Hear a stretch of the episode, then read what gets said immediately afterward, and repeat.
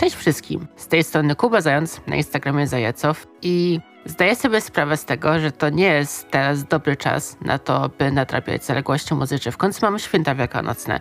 Czas, w którym to większość z Was na pewno będzie chciała spędzić z rodziną albo po prostu odpocząć, bo trzeba być też świadomym tego, że są ludzie, którzy czasami nie chcą spędzać czasu z rodziną, czasami wręcz nie mogą spędzić czasu z rodziną w tym danym momencie.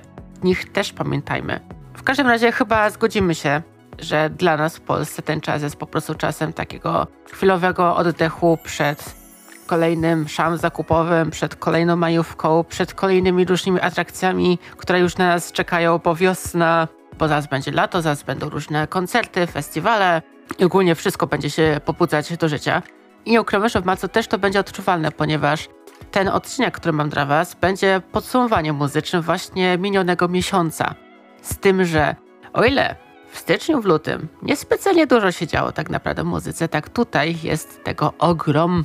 Ogrom, niby 5 tygodni, ale mi naprawdę było bardzo ciężko skompletować całość, bo zarówno działo się dużo, jeśli chodzi o muzykę zagraniczną, ale też dużo się działo w kontekście muzyki polskiej. Też różne zapowiedzi się pojawiły ciekawe, bądź też inne projekty, o których trzeba wspomnieć, bo gdybym o tym nie wspomniał, no to już byłoby takie trochę dziwne jeśli chodzi o to, co się dzieje u nas. Jesteśmy na Spotify, jesteśmy na Apple Podcast, jesteśmy na Google Podcast. Każdy odcinek w niedzielę o godzinie 18.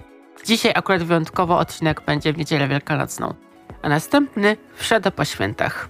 Mam nadzieję, że się nie obrazicie za to, ale słuchajcie, przesłuchacie to w każdym wolnym chwili, tak? Nie przedłużając, przechodzimy do konkretów. Zacznę może od płyt, które już omawiałam na tym podcaście mianowicie album Miley Cyrus i Enter Summer Vacation i Lana Del Rey Did You Know That There is Tuner Under Ocean Boulevard. Te albumy mam omówione odpowiednio w odcinku szóstym i w odcinku ósmym. Tutaj tylko wspomnę bardzo pokrótce, że to są albumy udane, dla mnie udane, bardzo ciekawe pod kątem muzycznym. W przypadku Mali mamy do czynienia z takim indie rockowym brzmieniem, takim nieco odprężającym, mało energetycznym, ale wykonanie tych piosenek naprawdę zwraca uwagę, pozytywnie zaskakuje i myślę, że coś możecie znaleźć dla siebie. Tutaj wrzucam wam trzy piosenki do tej playlisty, dołączonej w opisie. Zajrzyjcie koniecznie pod opis. Piosenka Jaded, piosenka Handstand i piosenka Island. Z kolei w przypadku Lany mamy do czynienia z czymś bardzo ambitnym, z czymś mocno ciekawym pod kątem muzycznym, bo mamy tutaj takie trochę miszmasz. Mamy takie brzmienia trochę wywodzące się z klimatu wcześniej najlepszej płyty, moim zdaniem, Norman fucking Rockwell. Mamy tutaj trochę romansów z elektroniką, ale mamy tutaj też e, parę utworów, które brzmią niczym kontynuacja tych wszystkich twórców muzycznych, które uczyliśmy się w szkołach muzycznych, jeśli chodzi o przedstawicieli muzyki klasycznej, tak. Myślę, że to jest coś, po co warto sięgnąć i wynieść z tego dużo dla siebie, tylko tu znowu musicie sobie zarezerwować czas na ten album, bo słuchanie go tak z doskoku może powodować to, że nie do końca będziecie chcieli w ogóle do tej twórczości wracać. I tutaj znowu trzy piosenki mam dla was z tej playlisty. Candy Necklace z John Batiste. Umieszczam wam y, Paris, Texas, moje ulubione.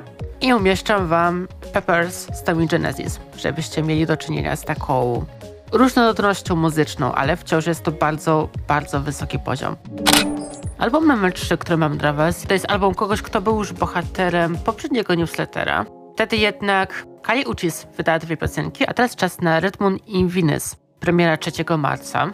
No, jest to bardzo egzotyczny album. Egzotyczny, że natychmiastowo, jak słuchamy tego albumu w zimnej, mroźnej Polsce, gdzie wiosna próbuje się dostać do nas na wszelakie sposoby, a średnio jej to idzie.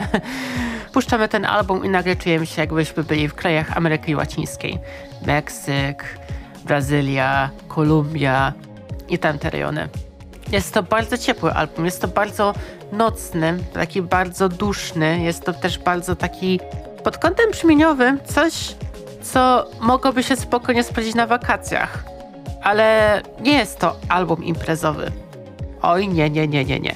To jest album bardziej na chill, to jest taki album bardziej odprężający pod kątem brzmieniowym, taki bardzo zmysłowy, bardzo sensualny wręcz bym powiedział. I w sumie, co jeszcze mogę powiedzieć o tym? Dodam po prostu trzy piosenki z tej płyty, którą omawiam.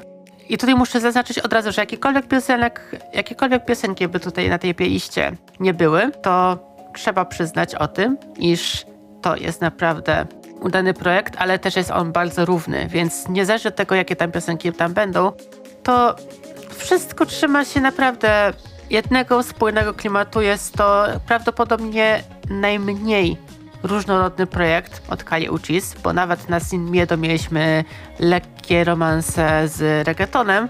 Tutaj no nie do końca ten reggaeton jest. Tam po prostu jest jeden, jedno brzmienie. No trzeba ten klimat poczuć. To nie jest też łatwy album, żeby wybrać jakieś tam piosenki dla siebie na playlisty. Oj, to zdecydowanie nie. Zapraszam do posłuchania.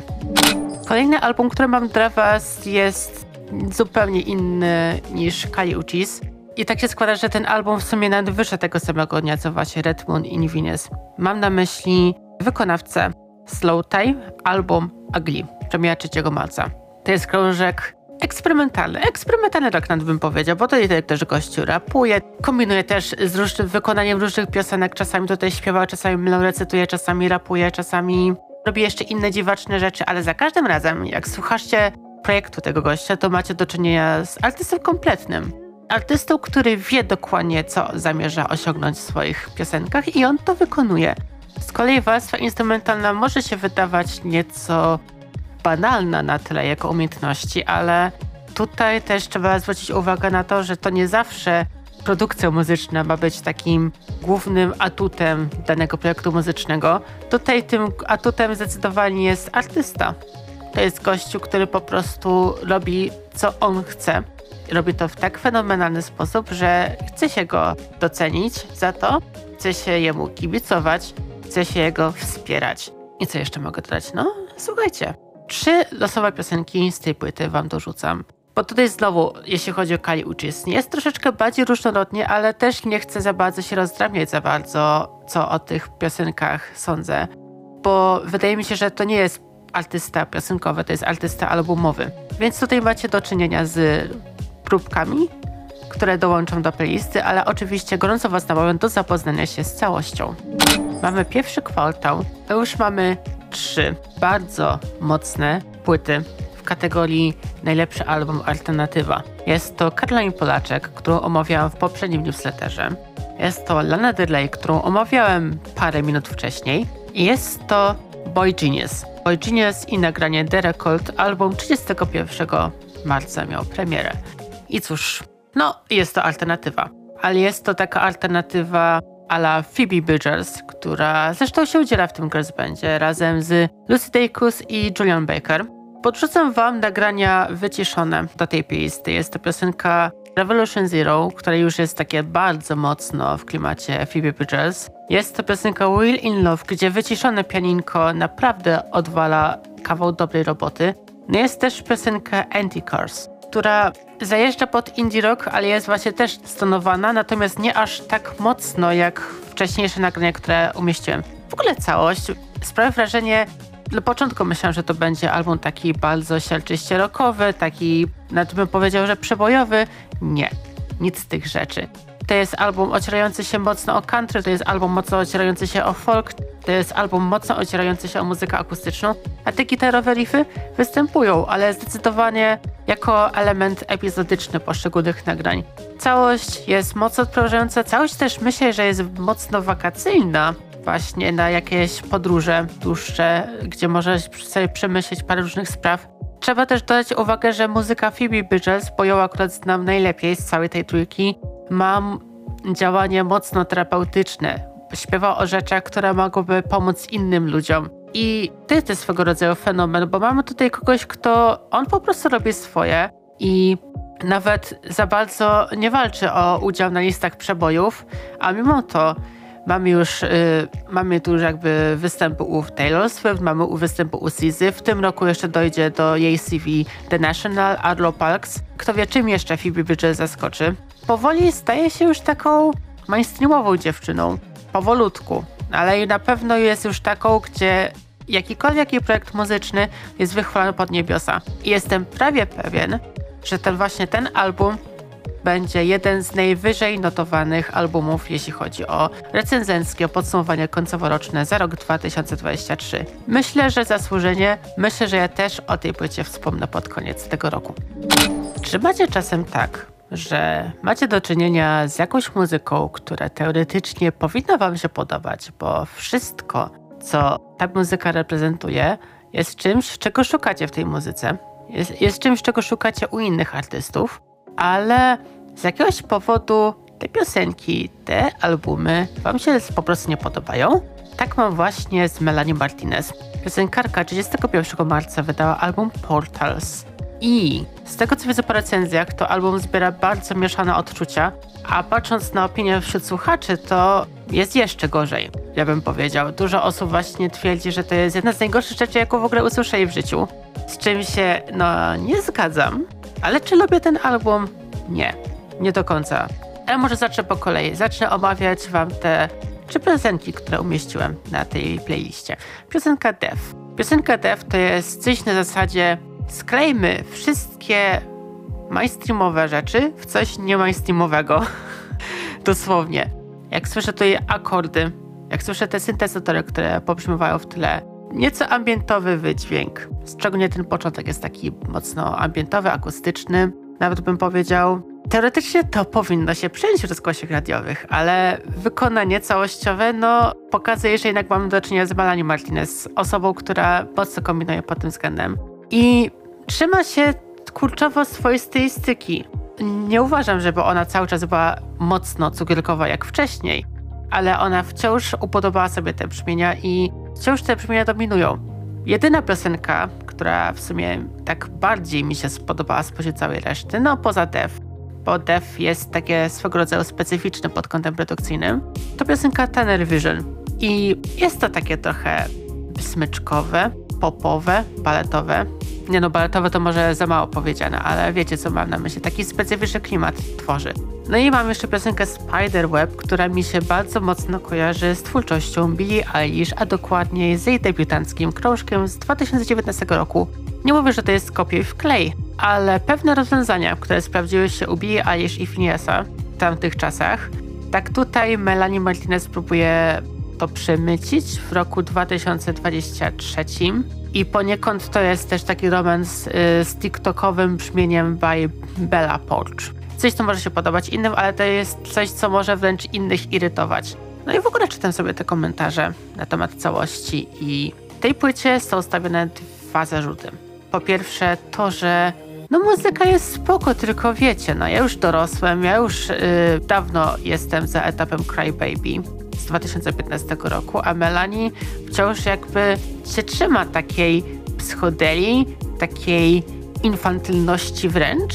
I poniekąd coś w tym jest, bo to jest wciąż muzyka trudna do odbioru. I to jest też muzyka, która ma specyficzną grupę odbiorców, a tą grupą odbiorców zdecydowanie nie są fani, powiedzmy, Eda Sheerana czy jakiegokolwiek innego artysty, który odnosi fenomenalny sukces na listach przebojów i na trasach koncertowych.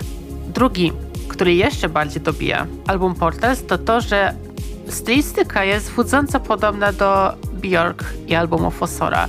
To znowu, nie uważam, żeby to było kopiuj w krem, może jakaś drobna inspiracja, bo czegoś tam Melanie brakowało i chciała dodać ten motyw grzybów, ale zestawianie tych płyt wokół siebie to tylko powoduje to, że Melanie będzie wypadać dużo, dużo gorzej bo Björk to jednak jest zupełnie inny artystyczny poziom, który tylko nieliczni są w stanie w ogóle osiągnąć. No co ja jeszcze mogę powiedzieć? Kurczę, no trochę mi smutno, bo myślałam, że nakręcę się na to, że to będzie mój album, który mi się spodoba. Nie. Nie uważam jednak, żeby to było coś złego. Uważam, że świat potrzebuje takich artystów, którzy są niebanalni w tym, co tworzą, którzy nie są wtórni, którzy mają pomysł na zrealizowanie swojego materiału i nawet jeśli komuś się to nie będzie podobać, Słuchajcie, no to nie są rzeczy, które się nagrywa tak po prostu, bo ktoś miał taki kaprys. To jest wyczuwalne. To jest trudne w odbiorze, wiem. Ale to nie jest coś, co może być puszczane w rozgłośniach radiowych. To jest niby popowe, ale popowe na swój własny sposób, za co Melanie doceniam i w ogóle też kredycy, bo wiele piosenek Melanie Martinez nie tylko samodzielnie napisała, ale też samodzielnie je wyprodukowała. I tutaj Niezależnie od tego, co sądzicie na temat jej twórczości, tu trzeba przyznać, że to jest ogromny plus, że to właśnie ona realizuje swoje koncepcje. I czy robi to z zamierzonym skutkiem? Nie wiem, ale przynajmniej próbuje. A takie próby trzeba naprawdę doceniać. Kolejna propozycja, którą mam dla Was, to w sumie album, który mógłbym polecić fanom Melanie Martinez. Nie ironicznie, bo tam też jest psychodela, tam też jest dużo elektroniki, ale to już ma zupełnie inny wymiar. Debbie Friday i album Good Luck. Premiera ten album miał 24 marca 2023. Bardzo konkretny pod kątem brzmieniowym, bardzo przystępny i trudny jednocześnie, bo mam tutaj do czynienia z elektropopem, z dance popem, ale z takim mrocznym popem też, z wręcz momentami romansujący z techno, ale mamy tutaj też bardzo mocny gitarowy riff w niektórych piosenkach. Ale może po kolei. Good Luck. Luck już jakby trochę zarysowuje całość tej płyty. Będzie znowu psychodelicznie, ale to jest też niezłe pod wykonaniem aktorskim. To jest wręcz seksowne, bym powiedział. To jest coś ekscytującego, coś... Mm, dawno nie słyszałem takich wejść, jeśli chodzi o muzykę pop. Chociaż to jest właśnie to zabawne, bo to jest album, który mocno podchodzi pod pop, mocno podchodzi pod no, muzykę elektroniczną, ale jest definiowany na iTunes jako alternatywa, więc no kto wie. No dla mnie to jest muzyka elektroniczna, może tak po prostu będę nazywać muzykę elektroniczną, nie? Bo ta piosenka, Good Luck, konkretne wejście, konkretne instrumentalium elektroniczne, które tam jest. Jest ono trudne w odbiorze, jest takie mocno koncertowe. Jest mocno koncertowe i mocno takie imponujące pod kątem warsztatu aktorskiego, jaki wokalistka ma. Z kolei w zupełnie inne klimaty prezentuje piosenka I Got It, gdzie gościnie udziela się niejaka u nas. Ta osoba nawet nie ma swojego konta na Spotify, więc, więc nawet nie wiem jak to się odmienia, więc wybaczcie, jeśli to robię źle. W każdym razie jest to piosenka bardzo mocno, ale to naprawdę bardzo mocno romansująca z techno. No takie konkretne umca umca, że tak ujmę, bardzo wciągające. Wykonaniem bardzo ciekawe instrumentalium. Dawno, dawno nie słyszałam tak ciekawego instrumentalium, które jednocześnie nie byłoby aż tak wtórne w kontekście muzyki tanecznej. I to jej się udało, bo ona też ten kawałek produkuje. Jeszcze wam wrzucę Pluto Baby, które znowu jest troszeczkę w klimacie Good Luck, ale jest nieco inne, jeśli chodzi o wykonanie. Tam jeszcze bardziej wykonanie aktorskie rządzi. To jest też album, mówię, dość przystępny. 33 minuty 15 sekund, jak zaglądam na Spotify. Ciekawostka jest to, że album wyszedł nakładem Sub Pop Records, tej samej wytwórni, z której pochodzi Blood. Tylko, że wiecie, Blood to jest artystka, która prezentuje zupełnie inne brzmienia muzyczne, a tutaj mamy kogoś tak odważnie romansującego z elektroniką. Nie jest to może coś nowego. Ale jak sobie przypomnicie Bionic od Christina Aguilera, jak sobie przypomnicie Art Pop od Lady Gagi, to myślę, że to jest album właśnie dla was. Jak dla mnie, Good Luck od Debbie Friday jest debiutem roku. Mam nadzieję, że ktoś ten album przebije, ale nawet nie musi, bo to jest album bardzo mocno ósemkowy. 8 na 10 jak dla mnie. A już na pewno jest to album, który warty jest do umieszczenia w topce albumowej w kategorii muzyka elektroniczna. Ja to najprawdopodobniej zrobię. To może teraz czas na polską muzykę. Przede wszystkim gratulacje dla Universal Music Polska, bo gdyby nie ich promocja debiutanckiej płyty Wiktora Dyduły Pal Licho, to prawdopodobnie o tej płycie bym w ogóle nie usłyszał. Już bywa też i tak. Wiktor Dyduła Palicho premiera 17 marca 2023. Wiecie dlaczego ja nie znoszę programów The Voice? The Voice of Poland, Mam Talent, X Factor i wszelakie inne zagraniczne edycje, bo mam wrażenie, że te programy po pierwsze skupiają się tylko i wyłącznie na karierach nie wykonawców, którzy tam się promują, a jurorów, którzy po prostu mają ogromne garze za udział w jednym odcinku, promują jakieś tam wszelakie skandale, na przykład Justyna Seczkowska z Edytą Kulniak i nie wiadomo jeszcze co jeszcze. no i niestety to też się odbywa na obecnej słuchalności, bo trochę jest to dziwne, kiedy mamy do czynienia na przykład z jakimś zwycięzcą na przykład jednej edycji The Voice of Poland i ten sam zwycięzca The Voice of Poland ma mniejszą liczbę miesięcznych słuchaczy na Spotify niż uwaga, konto Energylandii. Z tym artystą z Wiktorem Dudu jest szansa, że tak się nie stanie, bo już widzę, że jego muzyka bardzo dobrze się zapowiada. Next Fest Festival w Poznaniu. No nie będę na tym festiwalu niestety, ale to, że tam wystąpi, to myślę, że to już jest naprawdę coś, co nie tylko świadczy o, o tym, że już jest na tyle popularny, żeby tam wystąpić, ale też o jego muzyce, bo jego muzyka myślę, że fani Rubensa mogliby się zachwycić. I mam tutaj parę tytułów dla was. Zacznę od tytułowej piosenki Struś. Posłuchajcie sobie. To jest mocno takie lata 80., 90., trochę rockowych brzmień, ale przede wszystkim ta energia Wiktora.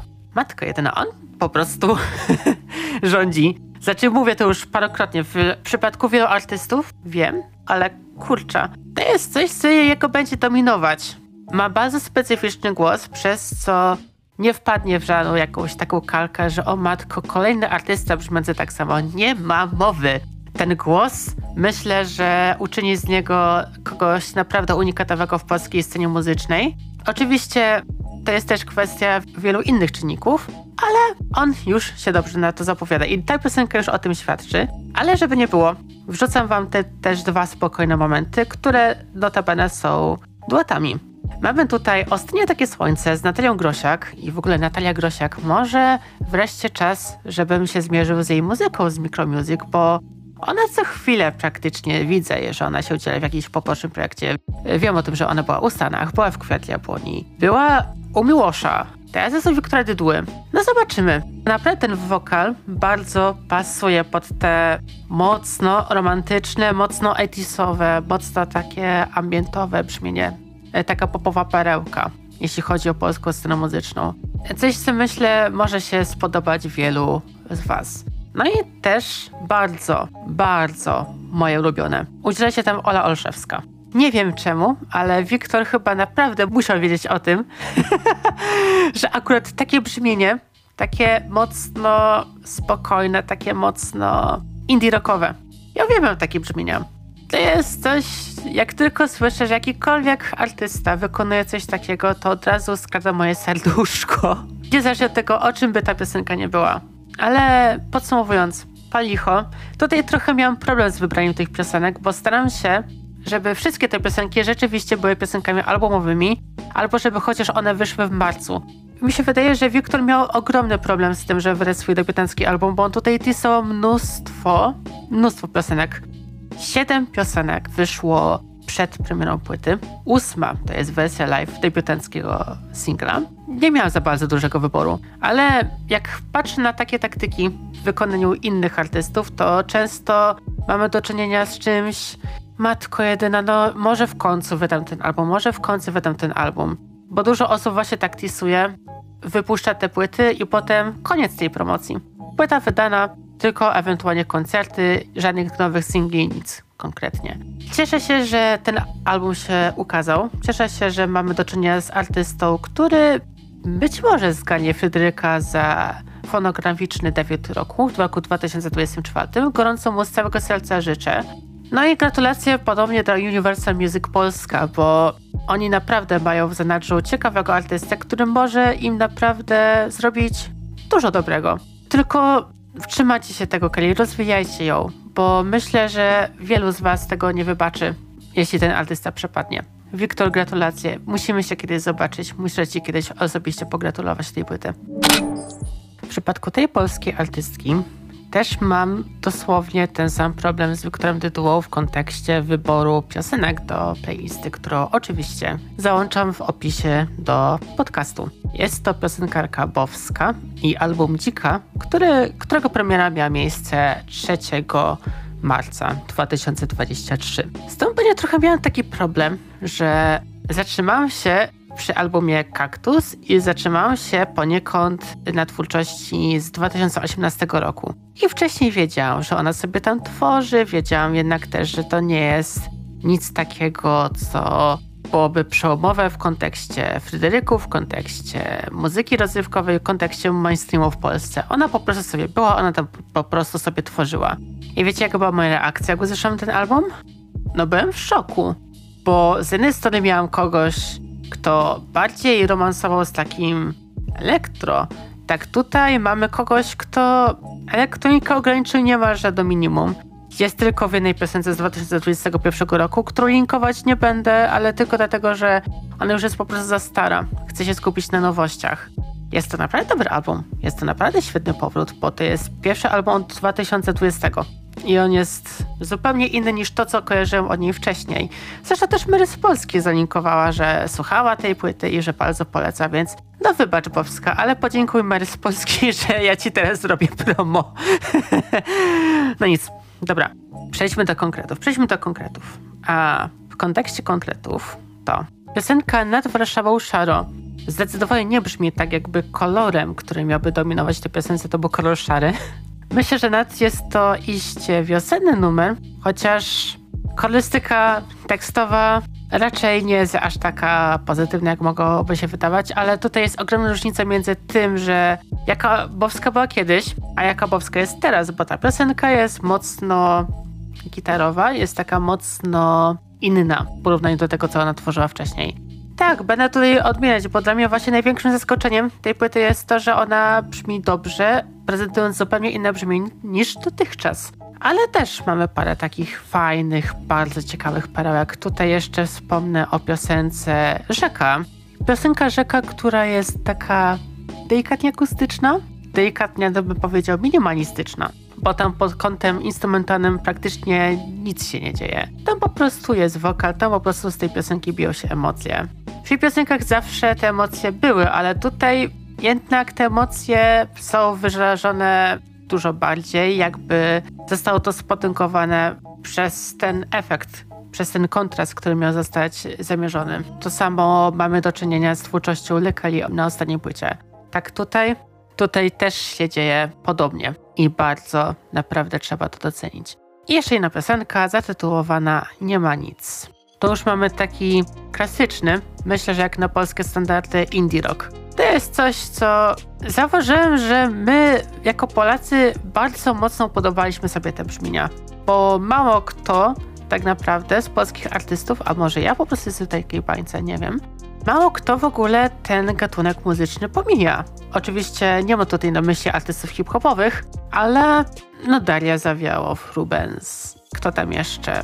Mm, Natalia Nykiel nawet ostatnio coś tam sięgnęła po ten gatunek muzyczny. Już nie mówiąc o Wiktorze Tytule, o wielu innych, nie wiem, Artur Nojak.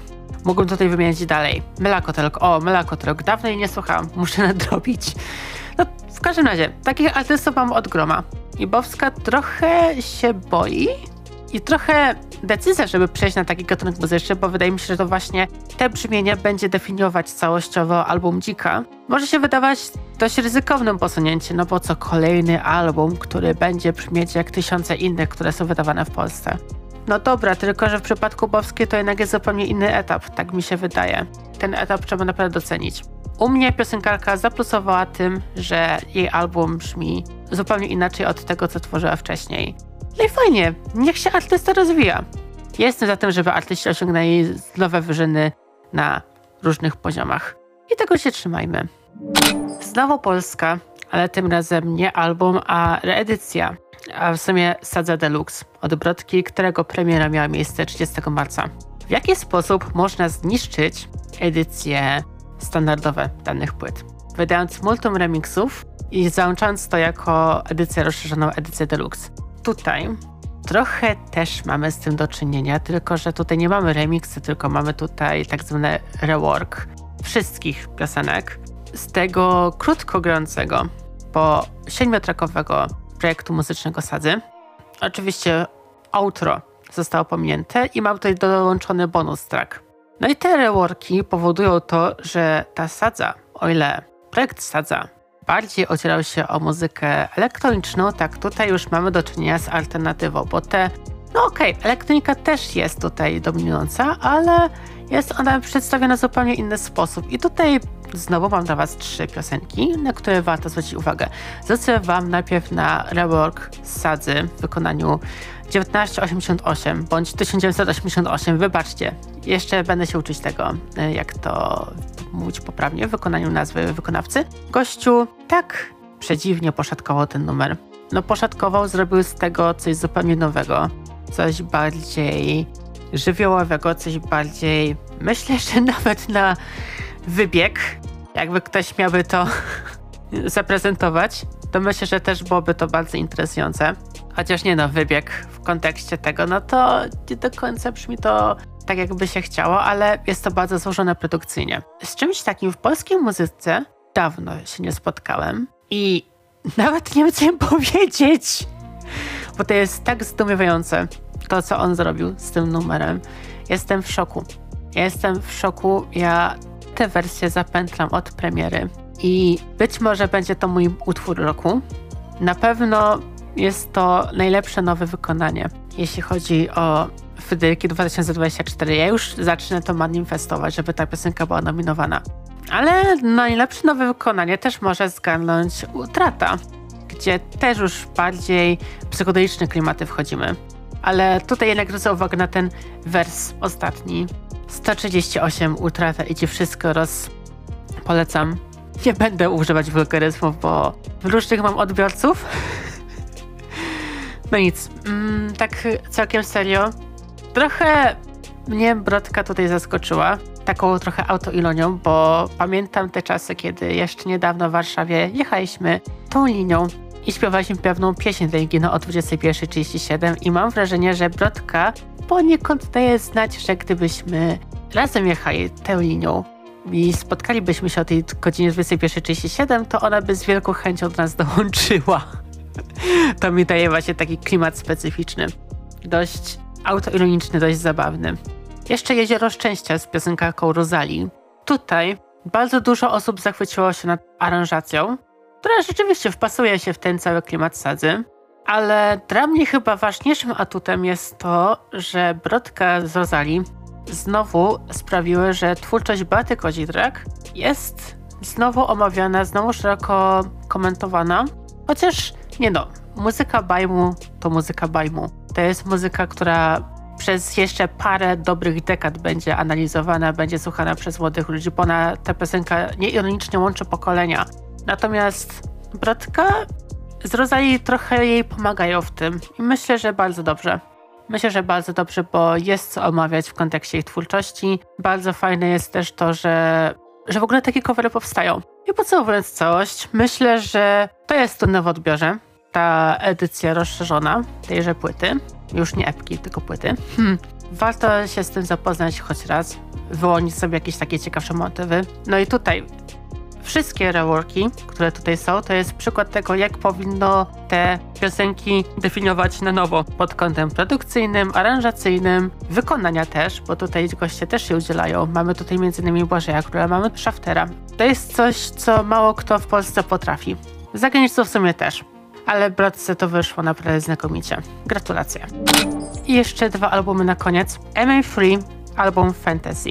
Premiera płyty miała miejsce 17 marca 2023 i pod kątem muzycznym mamy do czynienia z czymś iście tu znowu wakacyjnym, ale jest to takie bardzo ambientowe, bardzo takie disco, takie bardzo odprężające i bardziej instrumentalne. Tam mało co tekstu jest w ogóle, ale tutaj człowiek bardziej się odpręża. No to jest lekkie, proste, przyjemne, ale nie jest też tanie i wtórne, więc czego chcieć więcej? To nie jest może album roku, ale jest to coś, co myślę, że każdy z nas potrzebuje. Bo to nie są rzeczy, powiedzmy, nie wiem, bardzo mocno trudne w odbiorze. To nie jest kultura wysoka. To jest po prostu przyjemny zestaw piosenek, do których można się pobawić. Można potańczyć, ale raczej przesłuchać i czy się odprężyć, moim zdaniem. Mam tutaj trzy piosenki, które w zasadzie nie specjalnie niczym się nie różnią, ale po prostu chcę, żebyście poczuli ten klimat. Jeśli chcecie poczuć całą resztę, to poza tą playlistą oczywiście polecam ten album. Tutaj wam dołączam Earth to Sea, Radar Far Gone i piosenkę Fantasy. Polecam na słuchawkach. Na sam koniec, zamykając sekcję albumową, puszczę wam album 100 Gets i 10,000 Gets. Tak się nazywa ich album, premiera 17 marca 2023. Dziwne to jest. Taki trochę eksperyment, bo mam tutaj do czynienia z punk rockiem, mam tutaj do czynienia z hyperpopem, i to wszystko sprawia wrażenie, jakby było często imprezowe, ale też dużo piosenek zostało nagranych tak ewidentnie dla fanu, dla takiej zabawy dla beki. Pozwólcie, że ja wam tutaj zaprezentuję fragmenty. Jest to piosenka Dumbest Girl Alive. No to jest taka piosenka właśnie siarczyście rockowa, podbita właśnie elektroniką by hyperpop. Może dalej przejdę, bo co mam więcej o tej piosence mam opowiadać. Frog on the Floor. No to jest piosenka z cyklu. Nagramy piosenkę jakąś drabiaki. Mamy tutaj wręcz bardzo proste, bardzo infantylne akordy, ale jednak podoba mi się ten kontrast, że tutaj oni coś niby śpiewają na serio, ale tutaj taka prost, prosty, prosta melodyjka, jakby po prostu mieli ochotę nas rozbawić. Mnie rozbawili. Może, można narzekać na to, że piosenka pod kątem produkcyjnym jest po prostu banalna, jest wręcz wkurzająca. Ale ja to lubię. Ja to lubię i wy też sobie przesłuchajcie, żebyście mieli świadomość tego, o czym mówię. Jeszcze piosenka One Million Dollars. Trzy wyrazy. Trzy wyrazy i to jeszcze gdzieś ktoś nagrał, jak ktoś te słowa mówi, zmontował to jako, nawet bym powiedział, mem. Ale jest to naprawdę interesujące, bo pod kątem instrumentalnym dużo się dzieje. I jest to coś, co myślę, że każdy powinien docenić, że w ogóle ktoś miał jaja, żeby coś takiego stworzyć, bo mało kto w ogóle podejmuje się takiej tematyki w taki bardzo komiczny sposób. No i słuchajcie, dobiliśmy do końca części pierwszej. Dajcie znać, jak wam się podoba ten odcinek. Możecie wskazać swój ulubiony album, który wyszedł w marcu. No i co? Życzę Wam spokoju, bo myślę, że spokój nam się wszystkim przyda w ten świąteczny, krótki czas. Nawet jeśli świąt nie obchodzicie, to myślę, że to jest coś, co każdemu naprawdę z nas się przyda. Zwłaszcza teraz, kiedy no, mamy czasy ewidentnie niezbyt spokojne, jak mogłoby się wydawać. Jeszcze tutaj wspomnę o tym, że oczywiście część druga w środę o godzinie 18. Tak przynajmniej planujemy, żeby to wyszło. Trzymajcie kciuki, żeby nam to wyszło, bo logistycznie to jest to dość nietypowy moment w naszym podcastowym życiu. Oczywiście, jesteśmy na Spotify, na Google Podcast, na Apple Podcast. Szerujcie, udostępniajcie, lajkujcie, obserwujcie, subskrybujcie, gdzie tylko się da. No i wspomnijcie też o nas czasem w rozmowach ze znajomymi, bo myślę, że to jednak wy robicie największą reklamę. Ja mogę się stać na wszelkie sposoby tylko po to, żeby mieć większą grupę odbiorców, ale to jednak wy jesteście w stanie powiedzieć na ten temat coś więcej. Zajrzyjcie też oczywiście do playlisty, gdzie mam tutaj załączone wszystkie piosenki z albumów, które są tam omawiane w tym odcinku. Tymczasem co? Trzymajcie się ciepło i niech dobra muzyka będzie z wami.